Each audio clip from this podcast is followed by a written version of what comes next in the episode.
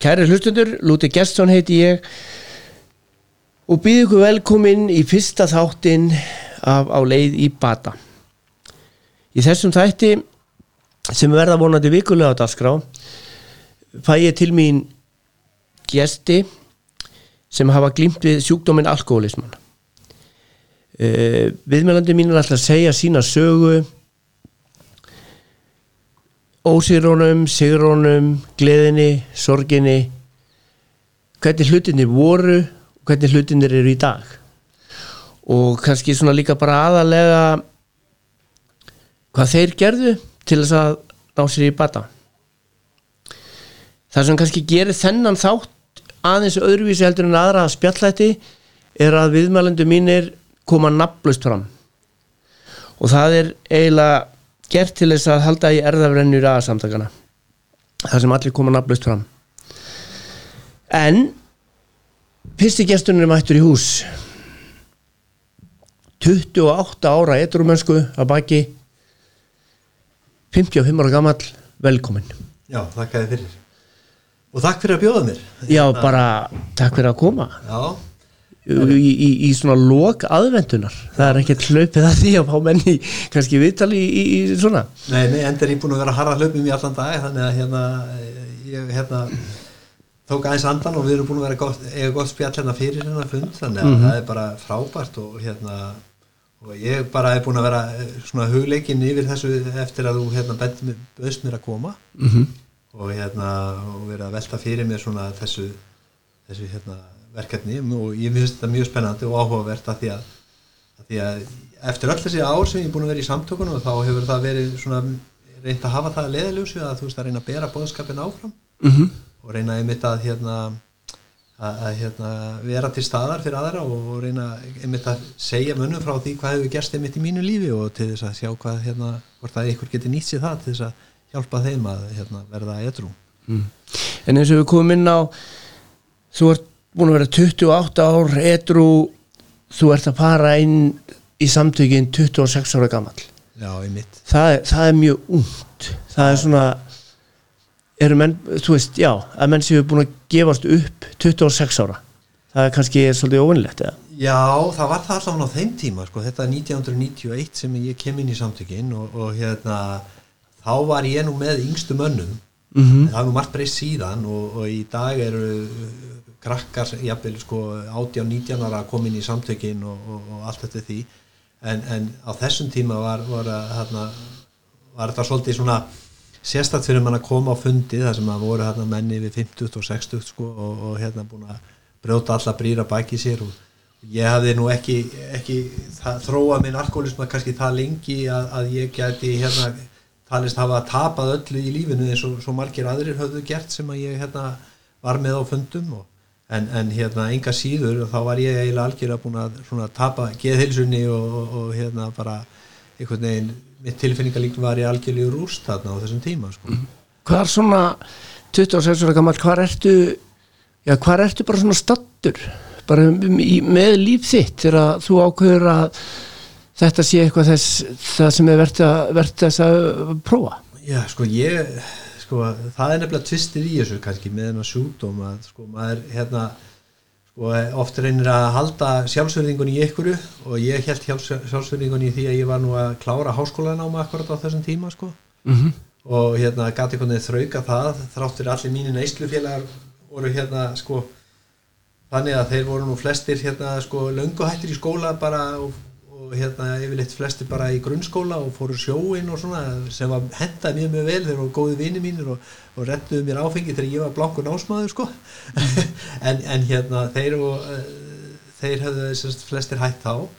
Ég sjálfur hérna, semst, hérna þraukaði í skóla í gegnum þetta allt saman og, og en en drakk mjög stíft með og, og ég var mjög tæpur ofta á, á hérna sem sagt hérna prófum og svona og rétt svona slefaði í gegnum þetta og akkurat bara á þessum tímapunkti þegar ég er að hætta þá eh, hérna að drekka þá er ég einmitt bara að klára að loka reytgerina mín í háskólanum í viðskiptafræði sko sem að ég var, að, var búin að vera í þarna síðustu fjögur ánum þar á undan sko. Og hérna og það var kannski svona taugast sko stríðið í kringu það að þegar ég þurfti virkilega á því að halda standa mig að þá brast stíplan og hérna ég einhvern veginn hérna veist, misti stjórnil á öllu í lífinu. Ég var búin að vera í sambandi á þessum tíma og, og sem var svona mér fannst að vera sko drauma sambandi í, í, í, sem ég geti hugsað mér að vera í að því að það var svona sérstætt hérna sko kona sem var mjög meðvirk með mér og skildi alkoholisma minn vel eða drikkjuna mína réttar að sagt skilur svona hendaði vel? Hendaði mér vel, þangað til hún fekk nóg uh -huh. og sagði mér bara þetta var komið gott og hérna vildi hætta þessu. Og, og þá einhvern veginn hrundi minn heimur sko. Mm og hérna ég og ég áttaði mig í rauninni ekkert á því þá strax sko. Þetta, það gerist um áramótin hérna 1990 til 91 sko sem að svona ég er svona okkar samband er að sem sagt að molna niður og hérna og ég hérna átti mjög erfiða mánuð þar framöndan sko. Bæði í drikju og svona afleðingar þeirra voru svona oft mjög svona umulega niðurlægingar sem að sem að flestir alkoholista þekkja. Og, og í rauninni hérna var það orðið þannig í lokin að ég hérna langaði bara eiginlega ekkert að lifa lengur sko. Ég var bara einhvern veginn búin að því. En sko það sem að gera það að verkum að ég hérna svona leitaði til lagarsamtökana sem að var ekkit endilega í myndina því að ég trúði einhvern veginn því ekki ég var í alkoholisti ég einhvern veginn hafði ykkur hugmyndir um allt annað sko, ég hafði trú að ég væri kannski geðveikur sko og Mhm. að því að ég viðkendi ekkit alkoholisma sem sjúkdóm sjúkdóm þó að, þó að það væri mjög margir í minni fjölskyldu sem að sko klíndu við alkoholisma þá var náttúrulega bara ákveðið svona fordómar fyrir því í fjölskyldinu minni og, og ég hafði þá alveg jafn mikið eins og hver annar rátt fyrir að vera sjálfur síktur af þessum sjúkdómi sko. en berðu þá, ertu þá að bera neyslu þína kannski svolítið sama við aðra í fjölskyldinu að þú hefur verið að drekka minna ekki túra eða hvernig þú veist að, að, að þér hafið bara fundist aðrir vera lengur að komnir? Ég var kannski ekki mikið að huglega á þessum tíma sko, sko pappi minn var svona túradrykkjum maður á þessum tíma en, en hann er nú hérna, hættur að drekka líka sko. En, en þú veist, ég var miklu meiri svona helgardrykkjumaður og, og hérna, svo að endanum var það eiginlega, sko, var ég alltaf að reyna að finna þessa fullkomnu blöndu sko, það sem að sko, sem endaði í dagdrykkju þar sem ég var svona sullandi alla daga sko. mm þannig að þegar ég loksins hætti að þá hérna sko var ég nú svo í hérna sko fannst mér svo skrítið að ég hugsaði sko ég sem er að hætta núna á þessu mómenti þegar ég hef bara ekki leikt drukki í sístu tvo mánuði þá leiti ég ekki á það að drekka að vera sull allan daginn það, ég tekti það bara við eitthvað svona sko alveg svona fyllir í sem að þú veist endurst kannski í heilu helgarna sko það sem að var alveg útofnið allan tíman sko. En hérna eh, það var ekki fyrir, það tók mér nokkra vikur og mánuði að átta mig á því að þetta var þetta náttúrulega bara partur af því að ég fann minn botnað hérna ég var búin að vera marineraður undir áhrifum áfengis bara í alla þessa allan enn tíma sko. en sko líkillin kannski að því sem að mér langar aðeins að segja sko af hverju ég leitaði til aðarsamtökuna var það að ég hafði við nefnilega sko uh, tveið þreim mánuðum áður en ég sko hérna hætti sjálfur þá hafði ég hitt einn sko skólabróður minn og drikju og neyslufélaga sko sem að hérna hafði verið sko hérna edru í þrjú ár. Og mér fannst á þeim tíma þú veist að hann hann náttúrulega sveik málstæðin þegar hann hætti að drekka og hérna fór í þessi sértrúa þennan sértrúa sem aðarsamtökin var fyrir mér þá sko, ég fannst þetta að vera náttúrulega mjög skrítið skrítið söfnuði sko. Vissi ekki neitt um hann en, var náttúrulega fyrirfram ákveðna fordóma sko. -hmm. Og ég hitti hann og ég man það að það heitlaði mér svo mikið hvað hann hafði breyst. Hann hafði, heil, hann hafði svona, svona síndi af sér svona allt aðra framkoma heldur hann hafði gert meðan við vorum saman í neyslu sko. Svona miklu frjálsari og svona leiðgreinlega vel.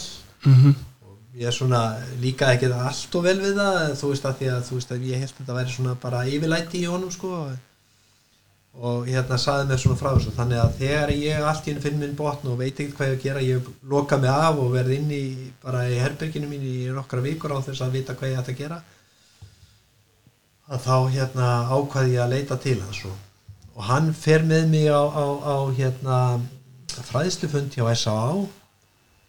og þar er verið að tala um aðalast um aðstandendur því ég held kannski, kannski er ég bara aðstandandi eða eitthvað svolítið, ég veit ekki hvað það var og, og þar var svona tabla það sem var teiknað upp svona aðstandanir annars vegar og svo alkoholistinn hinn hins vegar sko. Og þá allt í hennu horfði ég bara á alkoholistan þannig að þú veist ég tengdi ekki til aðstandanir en alveg sko mattsaðir beint við sko alkoholistan sko. Og í kjölfara því benda mér á að fara á einn aðfund sko. Mm -hmm. ég vil ekki pröfa það og ég sagði jú, jú, ég get svo sem pröfa það þó að hérna þó ég segi ekki að það myndi gera neitt gagg fyrir mig sko En svona kannski á þeim tímapunkti vonaði það? Ég vonaði það, já Af Því að þú fannst að eitthvað var það breytast eða? Já, já, Mhm. já, já og ég, já, það varði eitthvað að breytast annarkvort það eða þú veist, ég myndi bara stimpla mig veginn út úr þessu lífi sko. Mhm. og ég hérna, hérna fer á minna fyrsta aðfund nýri í gula húsinu góða hérna nýri, tjarnaköttu og á því þeim fundi þá gerðist eitthvað stórkoslegt sko. það var þannig að sko, ég heyrði fyrsta mannin sem var hérna í pontu hann talaði um sögu sína og ég allt í hennu bara vá, þetta er svakalegt hann er bara, hann er bara að lýsa mér þessi maður Mhm. svo kom einhver ung stelpa þar á eftir manni og, og, hérna, og hún held áfram og, veist, og ég hugsaði bara því fram að þessu þá hafði ég alveg hugsað sko, vandamál mitt væri svo sérstakt og svo öðru sig heldur en öllunu vandamál og það geti enginn hjálpa mér og, veist, og, og það er svolítið partur af þessum sjúkdómi okkar að við verðum svo sjálfhver og svona inn í okkur að við áttum okkur ekki á því að, að hérna að, að það er heil heimur fyrir utan því að við verðum einhvern veginn bara förum einhvern veginn inn í okkar skell og, og hérna þannig að eftir sko eftir að þriðjumæður er búin að tala þá hérna fór ég að hugsa allt í einu já, já, það er svona sem er pottin búið. Ég held, ég var svo geðveikur sko að ég hugsaði, já, vinur minn hann er búin að plotta hennan fund svo að myndi höfða til mín, skilur þannig að, þú veist þetta var einhvern veginn, þannig að ég held að þetta var eitt stórt samsæði, skilur Þetta var bara leikarar í pontu Já, það var hálfgerðið sko.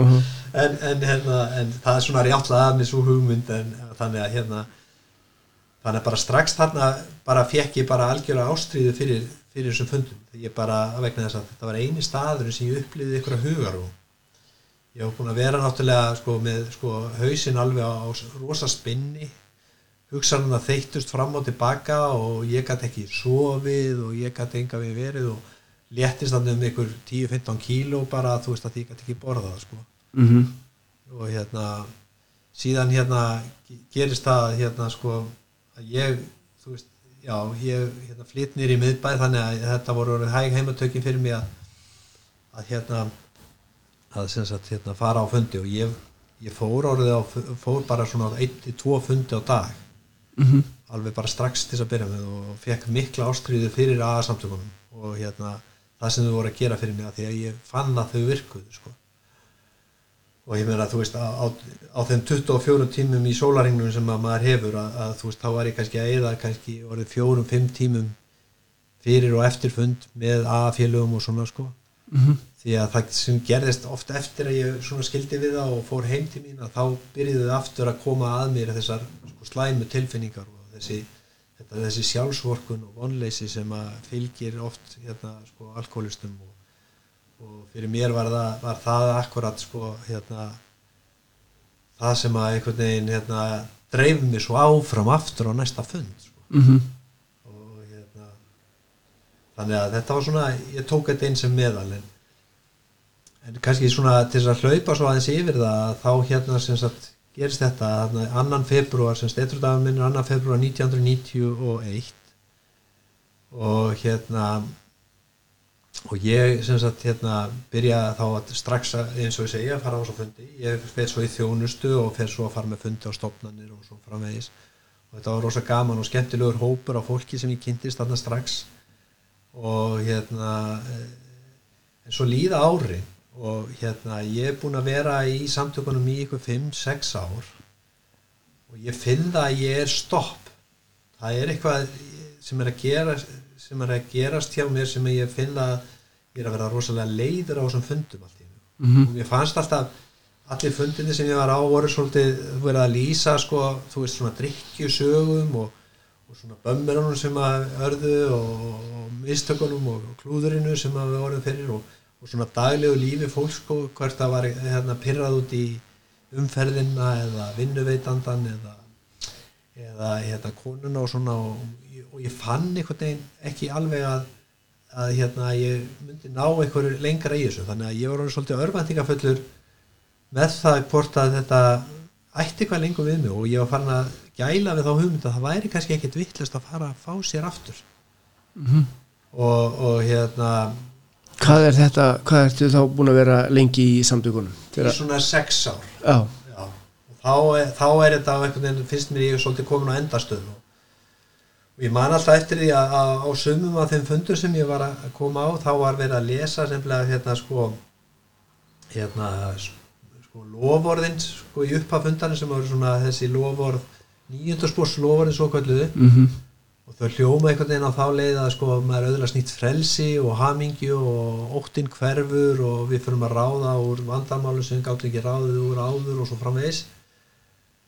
Og ég var orðin svolítið frústriðar að hlusta á þetta vegna þess að þetta var ekkert að gerast í mínu lífi. Mhm, og ég var farin jafnvel að hugsa það að já þessi A-bók ég held ég hefði nú unnið þessi spór með því að bara lesa þau og svo hafði ég farað okkur á spórafundi og, og spórafundunum var lesið eitthvað eitt spór en, en svo fló, fór umræðan yfirleitt yfir í eitthvað allt annað sko. mhm, fór ekki að tala um spórið sjálf nema þarna eh, sagt, þá er, er þetta bara svona er þetta bara þannig að ég hugsa bara að þetta eru bara kenningar um eitthvað sem að þú veist menn hafa sko, skrifað til þess að svona selja einhverjar hugmyndir um að þetta væri náttúrulega ekkert fyrir venjulegt fólk að verða fyrir svona miklu frelsi og hamingju meina þetta, þetta væri bara fyrir einhverja andlega risa skilur þú veist Mhm. að Gandhi og móðir Teresu og eitthvað svona fólk sko, Mhm. ha, en, en, en ekki fyrir mig sko.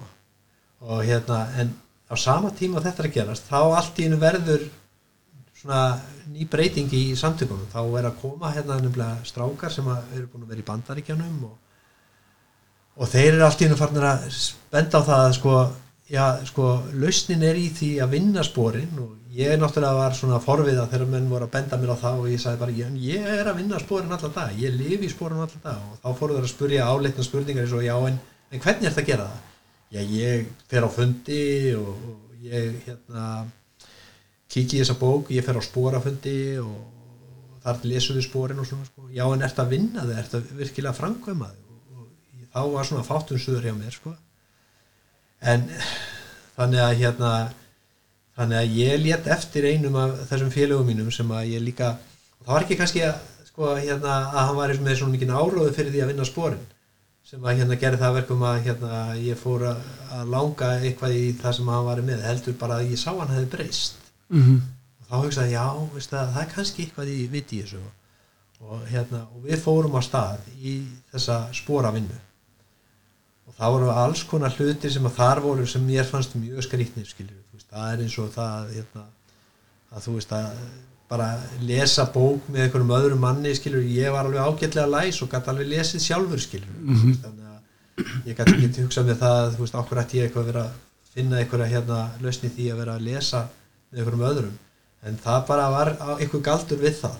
Við fórum að ræða sko kaplana sem við vorum að lesa og við fórum hérna svona dýfka svona, ég fór að dýfka skilning mín á þessum prógrami. Og kannski það sem var aðalatriði var það að þegar ég var farin að efast nefnitt um drikju hvort ég ætti ekki bara að fara að drekka aftur að því ég væri kannski engin alkoholisti mhm, það var það að ég fekk nefnilega sko svona miklu svona konkrétt lýsingu á því hvað væri að vera raunverulegur alkoholisti og hérna, mér langar aðeins að lesa til dæmis hérna sko e, í skoðun læknisins mhm, í bókinni já, að því þar kemur mjög góð lýsing á því sko hvað það er sem að sko gerir okkur fráburðuna kannski öðru fólki sem að hérna kann að fara með áfengi eða kann það kannski ekki en hættir og kann að stjórna því hvort að það drekki eða drekki ekki sko. mhm, og það kemur hann fram að hérna, í lesningunni hérna karlar og konur neyta áfengis fyrst og fremst vegna þess að þeim geðjast áhrifun en það er svo erfitt að henda reyður á þessa tilfinningu að jafnvel þóttu viðurkenni að hún kunni að vera skadleg er þeim ekki hund að greina gott frá illu þegar fram í sækir. Ofdrykju lífið virðist þeim hefði eina eðlilega. Og þetta tengdi ég rosalega vel við. Mhm, það er þetta þú veist að þegar ég var í neyslu þá fannst mér eins og allir væru í sömu neyslu og ég. Þú veist, ég fór á skemmtistaði, ég fór staðar á pubba og svona og það var allir að drekka eins og ég. Mér til mikill að undruna þegar ég varði etru og fór á sömu staðin aftur. Þá var kannski bara einn fugglann út í hotni sem var svona svipaður eins og ég skilur ég tengdi alveg við hann. Já, já, allir hinnir voru bara þú veist, voru bara eðlilegir. Og þannig að ofdrykkilífi var mér orðið svona bara eðlilegasti hluturinn í lífinu sko. Mhm.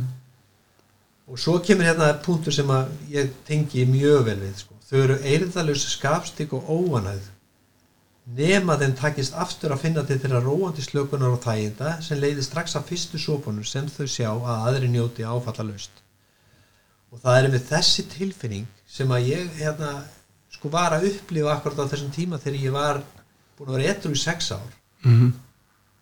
og það áttaði mig kannski á því að stundum og, og það sem ég áttaði mig betur á leng setna meir er að oft er að ég á miklu meira kannski við etru vandamál að stríða vegna þess að þú veist að alltaf þegar sko vandamála steðjaði hjá mér tilfinningaleg eða, eða andleg þá leisti ég alltaf með því að fá mér í glas Mhm. til þess að svona tappa af spennunni og þú veist og líka þú veist bara að fá svona róandi slökun skilur við Við- Já, við drekkum til þess að fagna og við drekkum til þess að sirkja og, Já. og, og við, við erum við, já, duglega að nota áfengi í allar aðstæður algjörlega, nákvæmlega, alveg hárið það, það er ymmið þetta sem að er, er málið sko. það, það, það er ekki að því menn eru ofta að spurja sko, hvenar eru að- aðstæður sem þú munt drekka á það eru eiginlega allar aðstæður sem mm Mhm. ég myndi geta drukkið á en að, þú veist, bæði til þess að svo auka á tilfinningar eða minka ykkur tilfinningar skilur, mm Mhm. þetta er annarkvært að deyfa eða, eða vekja upp ykkur tilfinningar af því að ég kunni einhvern veginn ekki að gera það edru sko.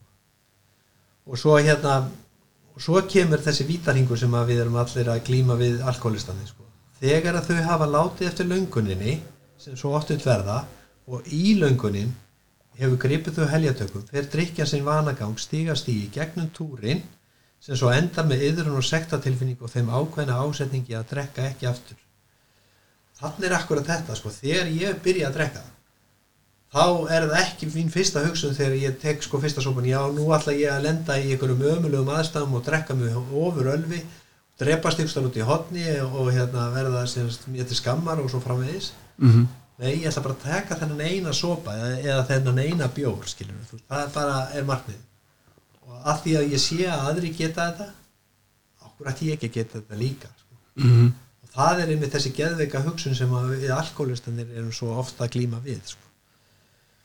Og svo, svo er það náttúrulega heldur þessi hérna, sko, hérna, saga áfram sko. þetta endur tekur sig æ ofan í æ og það eru litla batafan að ræða nema rótæk sálræn breyting verða á sjúklingum Þannig erum við ekki að tala um það að komið svolítið inn á það að það er ekki nóg að setja tappan í flöskuna eða bjórun annað alls ekki sko. mm og hérna þegar að sko sponsorinn las þetta fyrir mig og, og hérna bendi mér á þetta og, tengdi þetta þannig saman sko að hérna sko að því við erum að tala um ílönguna fyrirbriði sem er frábriðu öðru fólki hér það, það er, það er skrifs að gerir okkur að alkoholistum það er þetta að þú veist að þegar við byrjum að drekka þá viljum við meira. -hmm. og meira og meira og meira. Og það er eiginlega engin leið til að slökka á þessari ílöngun sko, hjá okkur. Þó að hugmyndin hafi verið að fá sér bara einn og þá endar það yfirleitt með einhverju rosalegu fyllir í Mm það kom fyrir einu sinni mann ég bara síðustu fimm árunum mínu í neyslu að ég náði því að drekka eitt bjór eitt kvöld að því að ég þurfti að fara í mjög mikilvægt próf daginn eftir. Ok. Og ég lifði á þessu, þessum eina bjór mm næstu sko fimm árun eftir þú veist það sem ég hugsaði ég get alveg stjórnað því að hvernig ég drekk skilur Og sagðir jafnvel mörgum frá því að þú hafir bara drukkið eitt bjór. Já, Það þurfti að koma mjög oft fram. Já, já, já, já, já. Ha, þú veist og glemdi öllum hínum sko hérna fylliríunum sem lendað, endað með ömulega heitum sko. mm að það er þetta ílunguna fyrirbriði síðan er sko huglaði þráekja sem er þetta veist að þessi hugmynd að geta drukkið aftur sér að skadlösu -hmm. og svo er það þetta andlega megin sem er þetta vera eirðalus skapst ykkur, óanaður og, og pyrraður og allt, eh, þú veist, einhvern veginn get ekki verið í eigin skinni. Og það er andlega meini sem er eiginlega kjarnin í þessum sjúkdómi sem að ég er að reyna að vinna í með því að vera í A-programminu og, og það er einmitt líkillin einhvern veginn að því að þú veist að, að ég geti haldið mér sko án áfengis frjáls og án þess að þurfa eða vilja þú veist drekka aftur. Mhm. Að því ég þarf þess ekki að því ég er búin að bæta upp með andleri líðan sem að gera það verkum að mér líður þannig í dag að mér langar ég aldrei að fá mér drikk og það hefur verið þannig í nokkuð mörg ár núna sko. Mhm. og, og þegar, þegar hann lísti þessu fyrir mig þá allt hérna fór ég að hugsa já, vá því að nafnilega á árunum hann undan þá var maður kannski búin að vera á fundum þar sem fólk eins og þú sagðir í upphæði var 26 ár þegar ég byrjaði mm í samtökunum og, og hérna þar voru menn sem voru búin að drekka frá sér sko, fjölskyldu og vinnu og fyrirtæki og bara hús og bíla og allt saman sko. Ég bjó ennþá heima með mömmu og pappa skilur þú veist, þannig að ég var nú rétt bara eins og vallaði að slíta barskónum sko eiginlega sko. Mhm. en, en enga síður þá hérna þá, þá hugsaði ég bara já sko veist, það er ekki magnið sem skiptir máli þegar kemur að þessu sjúkdómi heldur er það einmitt þessi hugsana ferill þá fór ég alltaf inn að tengja það ég er alveg eins og þessir gæjar sko. Og ég er alveg eins og rónin á götunni skilur veist. Og ég er líka eins og fína frúin sem að þú veist býr á hérna Arnarnishæðinni skilur með hérna sem drekkur bara eitt sériglas á bakaði gluggatjölin skilur Mhm.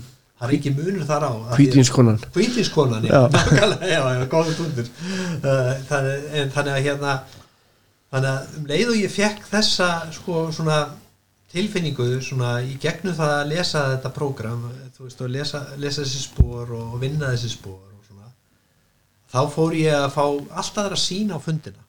Fór að fá allt aðra tengingu og hérna og í dag þá æfið mig alltaf á því þegar ég kemur á aðfundi þú veist, og ég hafi al, geti haft stundum skoðanir á þeim sem þar er inni að setjast niður og hugsa ég er bara eins og þetta fólk þetta eru bræður mínir og systur sko. Mhm. þarna er fólkið mitt vegna þess að það sem við gert síðan á öllum þessum árum er það að flest mitt vinafólk í dag það er aðfólk og það er ekki ónýtur hérna, félagskapin til að vera í sko, veist, þar fær maður ótrúlega stöðning Mhm. af fólki sem hefur gríðarlega reynslu af þessu prógrami og, og bara lífinu sjálfur sko. Mhm. það er með það sem að sem að ég held að margt annað fólk vanti svolítið í sitt líf þó það sé ekki alkoholist eða neitt annað sko. Mhm. það er bara að eiga þú veist þessa mörg, ég veit ekki hvað margir fundir eru hérna á viku í, bara í Stórreikjagsvæðinu hundra fundir alltaf Já, það, það er alltaf stutt í, í næsta pundi þetta einn það, það er orðið þannig sko það er orðið þannig sko. það er alveg sama hvar maður er einhvern veginn að ef þið langar að fundi eða finnst þú þurfa að funda þá er alltaf þá er, þá er, þá er, þarf þetta ekki að býða lengi nei. En þannig er ég sest, sex ára etru og fer að vinna spórin og, og sponsorum að mikill sölumar hann sagði sko, já, sko, svo byrjum við á þessu og lesum þetta og svo að þú búin að áttaða á fyrsta spórinu, sko, þá verður við fyrir rosalega, sko andleiri vakningu. Og ég hugsaði, já, frábært maður, ég fann ekki neitt þá og svo fór hann og hérna við fórum og lásum hérna við þriðjaspórið og hann baði mig um að fara með sér á hnén inn í lokuðu herbyrgi heima og mér fannst það mjög skrítið mm -hmm. Og ég hugsaði bara í hvað er ég eiginlega komin sko? Og hérna nema hvað þá sagði hann um leiður búin að taka þriðjusbórs bænina þá verður allt æðislegt sko. Og ég hérna fann það ekki þá heldur. Svo sagði hann farðu nú að skrifa það fjórðarsporið og ég fór að skrifa það fjórðarsporið og, og, og hérna svo tókum við fymtarsporið þar sem að sko, nú er ég að tala, tala um í sporum. Ég vona að flestir sem að skilja þetta viti hvað það tengi við þau. Tengi við þau sko og hérna og ég fann það að þegar ég tók sko fymtarspori með hann þá var ég eiginlega meira svona, var ég eiginlega meira niðurdregin heldur en sko frjáls. Að því að mér fannst þetta allt í hennu sá ég svona heldamyndina af mínu hérna lífi, ég var búin að vera einhvern veginn á, á þessum tíma búin að svona vera með þannig sín á sjálfa mig að, að hérna ég væri nú alveg góðu strákur og hefði aldrei gert flugum einn sko. Mm -hmm. En þarna komur náttúrulega ljós að ég hafði náttúrulega með mínum skapgerabrestur náttúrulega sært og, og skemmt ímislegt í kringum mig og, og það var svona margir hlutir í mínu lífi sem að hérna höfðu sem ég bara í minni eigingetni og sjálfselsku hafði einhvern veginn hérna þú veist bara aldrei sko tekið tillit til annara Sko, þú nefnir hérna spórin og, og uh, sérstaklega þegar þú kemur að þriða spórinu uh,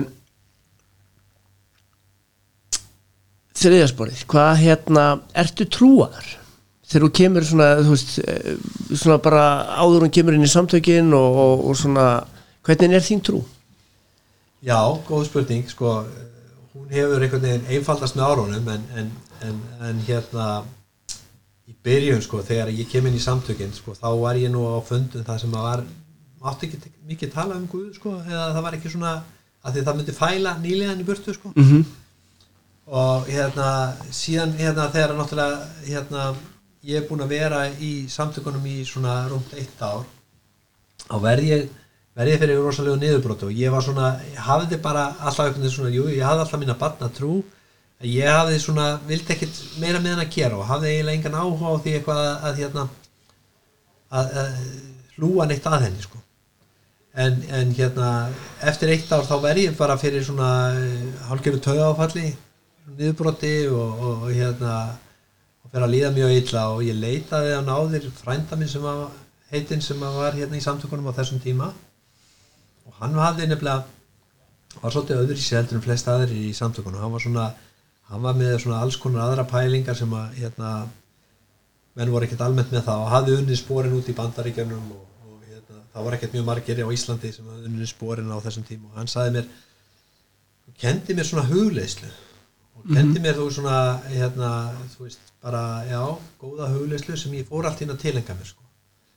þannig að ég fekk þá svona smá svona snertingu af, af trú í gegnum það sko Mm -hmm. en, en hvaða form trúin hafði á þessum tíma ég var ekki búin að pæli því hvort þetta væri hvítur kall með skegg hérna Mhm. í loftinu eða eitthvað svo leiðis en það er ekki fyrir neð þarna í spóravinni sem ég fer allt hérna að stúdera það miklu betur og, og, og aðalegast þetta sko að hérna það skipti mig kannski ekki máli hvað hérna hvað ég trúði á svo lengi sem að ég það var ekki sko minn eigin máttur heldur ég þurfti að sleppa á tökunum á eigin mætti Mm og gefa hann ykkur um aðri mætti -hmm. sem að getur verið hvað sem er og Já. við þurfum ekki að kalla hann Guð Nei en ég stúderaði mikið sko trú og trú að bröða á þessum tíma og ég meiri sé að til þess að svona, svona hérna, vinda ofan á fordómum mínum þá fór ég hérna semst í svona ákveði ferðalag hérna inn í trúar samfélögin sko mm -hmm. fór á sko fundi hjá hérna Guðsbyggi félaginu inn, inn í hérna svona kristilegu samtök og búttista samtök og Hari Kristna meiri sé og, og svo og hérna þessi góði frændi minn hann sagði við mig sko hérna farðu og, og kíktu á þetta bara fordóma löst og ekkert endilega vera að hlusta endilega á pretikunum nema það eitthvað sem að þér höfða til því upplýðu samkendina Mm og það var allt í náttaði með því það var alveg sama hvort í kristnisöfnunum var að tala tungum eða buddhistanir eða kýrja eða Hari Kristnagæðinir að söngla. Allt var þetta sko leið til að fá einhverja samhljómun og þannig að mér, ég allt í einu svona fyrir mér var það allt í einu sko áttaði með því að öll þessi trúa bröð að þau var eiginlega að leita þessari sömu samhljómun sem er einmitt verið að tala um í þessari bók. -hmm. sem er það að þú veist að tengjast einhvern veginn núinu, tengjast þessari orku sviði sem að þú veist er einhvern veginn hérna kringum okkur og virkja það. Og það var þar sem ég allt í nátt að með já, veist að ég sko, að því að, að því að í svona mínu andlegu veikindu sem að náttúrulega koma upp úr, upp úr þessu að hérna, ég er ekki að ná neitt lausning gegnum aðapróknum, það áttaði mig á því að þarna er lausnin hún er falin í þessu andlega þessari andlegu hérna, þessari andlegu laust sko. Og hérna það, það, þannig einhvern veginn kveikt ég á þessu og, og að því þú ert nú að tala um þetta þá er, þá er einmitt hérna nefnilega sko e- einn punktur hérna sem er með langaði einmitt að í fjórða kaplanum í aðbókinni er nefnilega talað sérstaklega um þetta og þetta talaði rosalega inn í hjartað á mér. Mm heyrum það? Já, sem er hérna þannig sko að ef að síðareglur og betri lífsbyggi nægðu eina sér til að sigrast á alkoholisma hefðu mörg okkar náð bata fyrir löngu. Ég átti þess alveg í svona hillu metrana af sjálfsjálpabókum Ó, og ég var búin að stúdera það rosalega mikið ég, og ég las þar og svo þegar ég var búin að lesa þær og fullt af góðum ábendingum þar þá laði ég þær upp í hillu mm en ég gerði ekki neitt af því sem að þeir sögðu mér að gera. Þannig að það virkuði ekki neitt. Og ég þá fullt af svona falleri síð, síðfræði í því sko. en við komumst að því að slíka reglur og speki gátt ekki bjarga okkur hvernig sem við reyndum. Við óskuðum þess kannski að geta lifa flekklösu lífi geta fundið heimspekilega frið óskuðum þess jafnvel á öllu hjarta. En við höfðum ekki kraftin sem til þurfti. Þarna tengi ég rosalega við. Ég var að reyna og reyna fara á marga fundi og reyna svona einhvern veginn í eigin mætti Mhm. að vera, þú veist, láta mig líða betur. Það gerðist ekki þetta skilur og þarna og svo segir hérna lókun sko mannlegi kraftar okkar sem stjórna var að vilja styrk dugðu ekki til. Þeir brugðust algjörlega. Vanmátturinn var okkur erfið þraut. Við urðum að finna kraft til að geta lifað kraft sem var í máttur okkur sjálfum. Svo mikið var ljóst. En hvar og hvernig áttum við að finna slíkan kraft þessi bók fjallar einmitt um það. Og þessi setning, þetta loka setning hún eiginlega setur svona grunninn fyrir restinni af þessu prógrami. Mhm. vegna þess að sko ef, þú- hugsaður út í það þá er það akkurat sko þú veist að því að áfengi er bara svona enginn af þessu sjúkdómi. Við sjáum sko tólsporakerfi notuð í alls konar öðrum sko fíkni vanda skilur þú veist með eitulif og, og það er til alls konar tólsporasamtök að þú veist Alcoholics Anonymous er það sem ég er í og hérna síðan er það Marijuana Anonymous, Cocaine Anonymous og, og ég veit ekki hvað, hvað og svo er náttúrulega bara aðra hliðafíknir eins og bara sex addiction og, og sagt, workaholic og, svona. Mhm. og ég hef farið inn á margar af þessum brautum skilur þegar ég er ekki nógu andlega heill. Þá er- þegar þú ert bara ekki í prógraminu já, þegar ég er ekki í prógraminu skilur Mhm. þá, þá einhvern veginn leitar þá kemur svona þessi hóla inn í sálina einhvern veginn Mhm. og ég- maður reynir að fylla það með einhverju öðru sko. og það hefur komið fyrir mann á þessari göngu oft á tíðum en, en, en hérna en í dag þá finn ég það bara þú veist að lausnin er algjörlega í því að vera starfa í þessu prógrami sem ég er í dag sko, já, prógraminu sko það eru held ég kannski maður heyri það að ungt fólk að því að nú kemur þú mjög ungur inn í samtökin.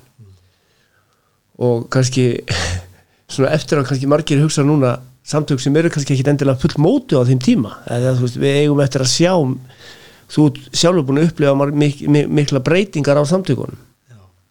En sko ungt fólk í dag uh, ég heyri það mikið tala um einmitt þegar það hefur verið að fara í gegnum sporin og það les þessi tólspor það er ímislegt sem að fólk svona stoppa við og það svona það kvíðir í að taka. Við sjáum til dæmis bara þetta spór sem vorum að ræða á þann þriðaspórið skiluru að fara niður á hnén og, og byggja er bara það eitt er óþægilega aðstæða eins og menn séu ekki að koma úr óþægilega aðstæðum sko. akkurat. Uh, níundasporið vefst rosalega fyrir mörgum og margir taka stittir útgáfuna því að reynlega byggjast afskunar, byggjast fyrirgenningar uh, nú er þú að leiða marga gegnum þetta prógram og annað. Er þetta erfitt? er á ungt fólk erfitt með þetta eða uh, ungt fólk eða bara fólk? Hvar, hvar hérna þetta eru mikla breytingar. Já, já, já það, það er rétt og, og hérna sko það er, reynist mönnum bara mjög miserfið sko. Og þú veist og svo er það líka bara þú veist hvað er fúsleikin mikill og hvað er örvæntingin oft mikill til þess að vilja breytast? Mm -hmm. að því að sko eins og ég legg alltaf áherslu að ég reynir svona svona, svona snýða þetta eftir hverjum og einum sko, svolítið sem ég er að taka ekki sko. stundum er ég að vinna með mönnum sem hafa áður unni spórin og vilja fara þau gegnum aftur sko, búin að vera eitthvað kannski mörg ár. Og stundum er ég mitt að taka ungt fólk þannig að minna um ungt fólk það, það leita kannski til yngri manna sko, veist og, en, en sko sko ég held að að sko mestu hindranir oftast eru í fjóruðasporinu þegar fólk þarf að fara að gera eitthvað sko. þegar það fara að leggja á sig að setjast niður og skrifa og skrifa lista og, Já, já. það er svolítið auðvelt þanga til þar sem þú ert bara svona að lesa saman í bókinni Mhm.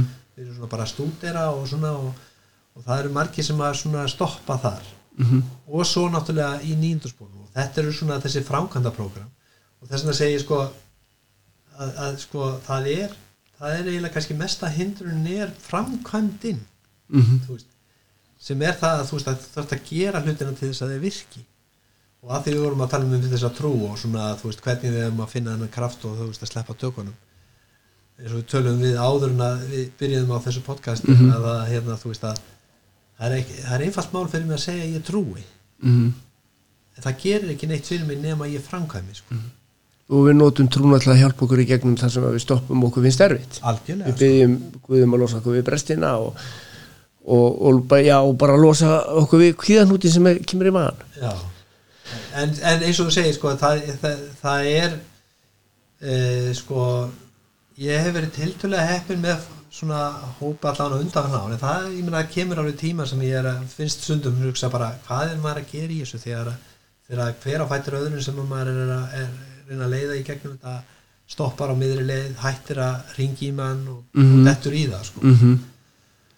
en það er samt alltaf þessi eini sem að fer í gegnum þetta og maður sér að ljósin kveikna einhvern veginn í augunum á þeim og þeir allt í hennu finna þennan neista og fá viljan til þess að veist, fylgja þessu prógrami áfram og vilja bara til þess að framkvæma já, Maður það, það, það, já. það, það, það er eiginlega ekki til neina eiginlega betri tilfinningu upp, til að upplifa í þessu prógrami mm -hmm. heldur en að finna þessa tilfinningu komast áfram til annara sko. Mhm. það, það, það er það sem ég finnst svo gefandi í þessu sko. og fyrir mig sem að er náttúrulega eins og að því myndist á aðan sko, það er sagt í bókinni eiginginni sjálfsönska er undir og derfileg okkar Mhm. að þú veist áður en ég vinna, þegar ég var að byrja að vinna sko, spórum öðrum eða byrja að hjálpa öðrum sko, þá náttúrulega byrja, byrja þetta alltaf svona klassist á því. Þeir voru alltaf að ringja á kolveitlusum tíma sko. ég var náttúrulega að horfa á mér upp á alls fótbolta leik eða þú veist, ég var að gera eitthvað sem var svo merkilegt fyrir mig eða Mhm. þú veist að ég mátti ekkert vera að tala við þá og svona. Og, en, en þú veist, ég, ég satt tók alltaf upp síman og þú veist og svaraði þeim og svona, já, ok, já, hvað hva viltu? Ok, já, já, já, svo fór það allt einu að verða svona bara partur af manni að segja bara, þú veist, ég er ekkit að spurja mig að þessara spurninga ég bara, ég bara er til staða þegar að sko kalli kemur Mhm. og það gerist ekkit nema með æfingu vegna þess að, þú veist, maður er svo fljótur að sí, sko, síga inn í þetta þú veist, að vilja fara auðvöldar og þægilegri leið Mhm. njóta bara áastana því sem maður hefur þegar fengið og bara lifa bara í, í velíðan á meðan sko endist sko. Mhm. svo endist hún bara svo stutt ef maður Já. gerir ekki, þú veist, fer ekki á fundina sína kemur ekki, þú veist, er ekki að tella við aðra félag og vera, ekki, og vera að sponsa aðra sko. þá bara og gufar þetta upp, þetta er svo rókjant þetta, þetta prógræning í hausnum á manni sko, einhvern veginn sko. ekki, ekki ástæðuleg sem þetta er kallað framkvæmda program nei, nákvæmlega nákvæmlega ja, eitt svona, kannski ef við fyrir aðeins tilbaka sem að hérna ég fór, ég fór svona að velta fyrir mér á hann þú er 26 ára, kemur inn í samtökin og kemur eins og segir býrði í fóreldrahúsum þar sem að er alkoholismi í gangi. Já, uh, þú kemur á fullum kraft inn í þetta og, og svona manni heyrist og upplifir með þér að, að þú veist, þú farð strax eitthvað til þín. Já. Þegar þú kemur með þetta inn á heimilið í, í fóreldrahús þar sem er alkoholismi í gangi Já. hvernig er það? hvernig, Já, sko, það, það er nú þannig að hérna, sko, ég flutti nú fljótlega að heiman eftir að ég verði trú þannig að sko, þau svo sem fóreldra mínir fylgdust nú ekkert mikið með því, sko og pappi var svona túradrekkjumæður, sko en það sem að gerist og það er einmitt svolítið, sko, það sem ég hérna sé fyrir mér, sko, er það þegar ég er, að því svona í áframhaldi af spóravinnunni, sko, þá er það sko, þegar ég er búin með þarna fymtasporið sem við varum að tala um áðan sko, mm og þá hérna fer ég að undibúa þetta sko nýjundarsporið -hmm. og í nýjundarsporinu þá er það eins og, eins og segir í því sko að við bættum fyrir brot okkar millilega laus og framalega sem við særðum engan. Og alveg sem þú veist að segja á hana sko það er sko þessi auðvelda og einfalda leiðin er að þetta bara byggðast fyrirgefningar sko. Mm ég kunni alveg að segja afsakið og fyrirgefðu hérna í neyslu -hmm. og gerði það ótal oft sko en breytti hegðan minni ekki neitt sko. Nei. En nýjundarsporið er mikilvægsti parturinn í þeim þetta breyta hegðun mm -hmm. og ég man svo vel eftir því sko að þegar ég bauð pappa mínum í, í heimsók til mín sko hérna til að mitt fara með nýjundarsporið með hann sko Mm þá áttu við mjög djústætt og innilegt samband, samtal og, og hérna og ég sko ég náttúrulega var þannig alkoholisti að þegar ég kem inn í samtöngin fyrst þá kendi ég náttúrulega bara fóreldrum mínum svolítið mikið um það hvernig fyrir mér var komið sko -hmm. og síðan hérna eftir þetta samtala þá fljótlega lendir hann svona svo ég vil svo, hérna á einhverju á síðasta fyllininu sínu sem að verður svona til þess að hann allt hérna vaknar til lífsum það að, hérna, hann er að gera eitthvað ég svo vildi hætta og, og leita strax til mín. Og ég var náttúrulega svolítið svona, átti svolítið vandrað með að hvernig ég ætti að taka því sko, af því að við erum náttúrulega þannig tengdir að ég geti nú kannski ekki verið að hjálpa honum að fara, í, fara inn í þú getur ekki tekið hann og sponsaðan nei, nei, ég myndi, og ég myndi aldrei gera það sko. Nei, nei. en hérna ég gaf hann núna aðbókinu hann blessaður, reynda fór aldrei inn í, inn í samtökin sko. En hann er nú búin að vera edru síðan. Hann er nú orðið rúmlega áttræður í dag og, og, Ok. hérna, og í dag hefur við, við höfum aldrei átt jafn gott samband eins og núna Mhm. sko. og reyndar segi ég með móðu minna líka veist og, og, og svo áttar maður sig á því að þau eru hérna sko þau eru náttúrulega gerðu sitt besta mm. Mhm. niður við þær aðstæður og þær, þær upplýsingar sem þær, þau höfðu á þeim tíma sko Mhm. Meina, þau hafa alltaf verið góðu fóreldrar við mig en þú veist það er bara stjórnleysi alkoholisman sem að náttúrulega gerði það að verkum að, að þegar að sko pappi var að drekka að, að það var mjög sko skrítið samband á heimilinu. Og oftast var það þannig að þá tók ég upp hanskað með mömmu sko. Svo daginn eftir þegar hann var timbraður skiljur þá hérna var hún að hella sér yfir og þá tók ég hanskað fyrir hann sko. Þannig ég var alltaf í þessum málamiðlunar hérna hlutverki. Ber á milli og vera á milli sko, Já. þannig að þú veist það er, það er náttúrulega hinn hlutin af, af alkoholismanum mínum sem er meðverkning sko. Hún er náttúrulega eitthvað sem er oft djúbstæðar og erfiðar að vinna með og tekur oft meira á og er meiri svona þólimæðisvinna heldur en kannski sko alkoholismin það er, og ég hef nú farið stundum á Alanon fundi til að svona kynna mér það aðeins sko. Mhm. og átt alveg er raunri bara erindi þangað algjörlega og ég meina Alanon er mjög hérna, það er mjög mikið góðu hérna, fólki sem er að vinna í því mm hérna, já, en, þannig að það, það var bara mjög merkileg vita í þessu sko. fyrir auðvitað það svo er ég býi með, sko, kona mín er líka óverkur alkoholisti og -hmm. þannig að hérna við höfum nú reynd, unnið þetta saman og verið saman etru, ég hef aldrei við höfum aldrei drukkið saman þannig að, Nei, ok þannig að hérna, það er alltaf hana Hvernig kynnist þið? Við kynnumst nú bara uh, skal ég segja bara rúmu einu og halvu ári eftir að ég verið edru sko. Já, ok já, við hefum fjögur börn. Mér finnst það eitt af því líka. Er hún þá komin þetta já, ung í samtökin líka? já, Já, ok. Já, hún er komið þarna líka sko, þannig að hún var svona já, algjöru nýlið sko, Já. sko. en, en hérna samt sem áður hérna, við erum búin að semst, við, erum búin, við erum búin að vera gift í, í já, ég man ég ekki alveg nákvæmlega hvað það eru mörg ár en við erum búin að vera allavega í pluss 25 ár saman sko. Mm og eigum fjögur börn og, og það er nú eitt af því skemmtilega verkefni sko er það að ég finnst sko þegar maður ber saman börnin manns og, og það sem maður hérna upplýði sjálfur þegar maður var runglingur sko að þá finnst manni og maður upplýði það að maður sé að svona brjóta svona ákveðina keðju sko svona að þetta er þetta náttúrulega gengur í fjölskyldum alkoholismi -hmm.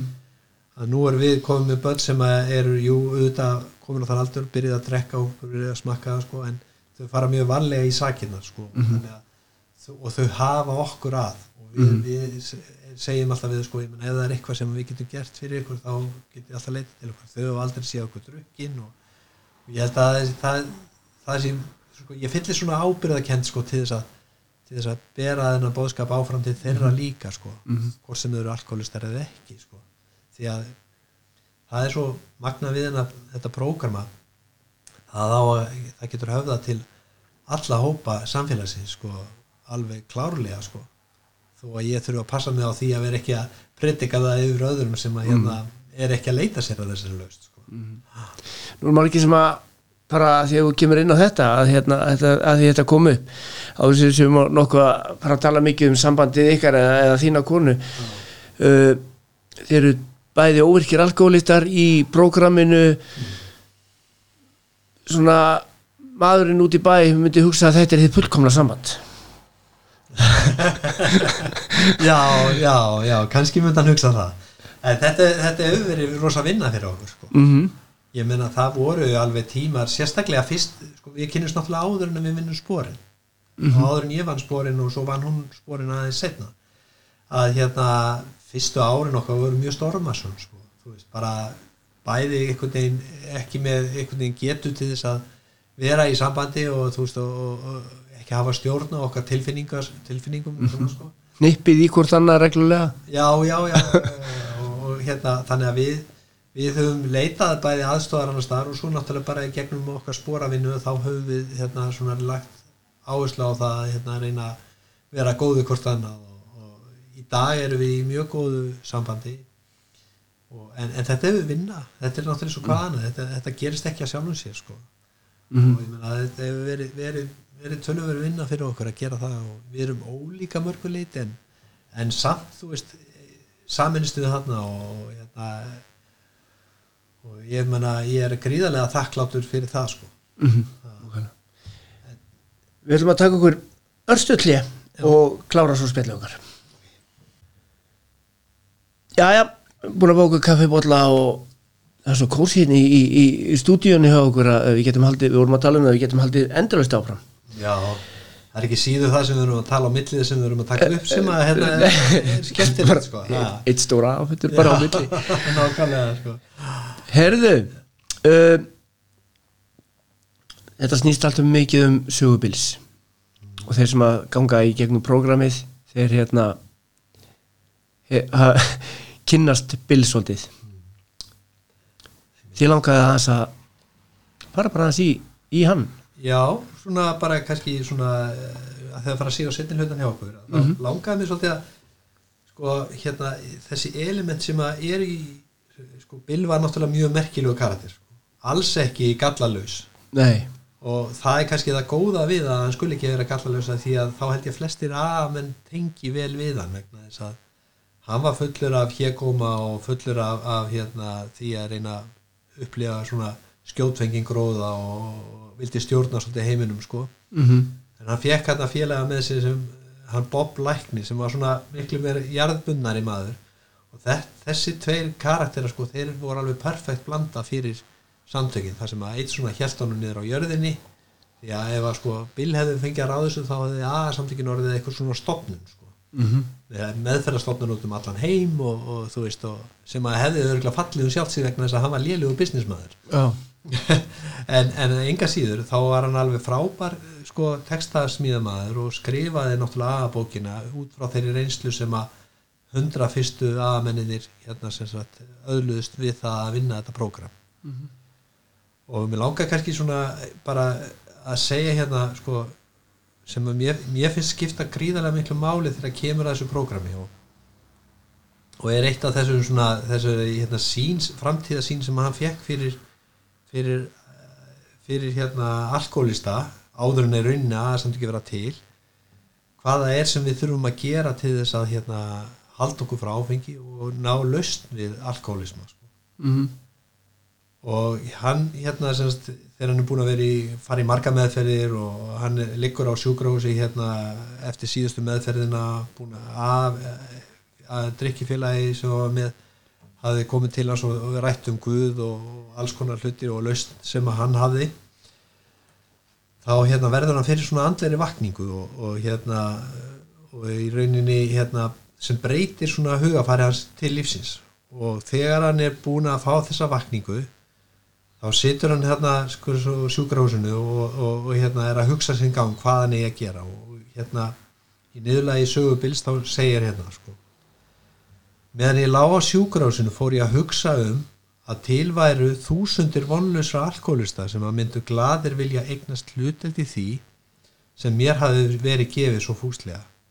Eftir vil gætu ég hjálpað einhverjum þeirra og þeir svo hjálpað öðrum í staðin þetta, þetta element sko, þetta er það sem er gerir sko að samt ekki svo frábær sko ég þáði frá mínu sponsor ókeipis þetta prógram sem að gaf af sínum tíma frítt til mín svo ég geti gefið áfram til annara frítt mm -hmm.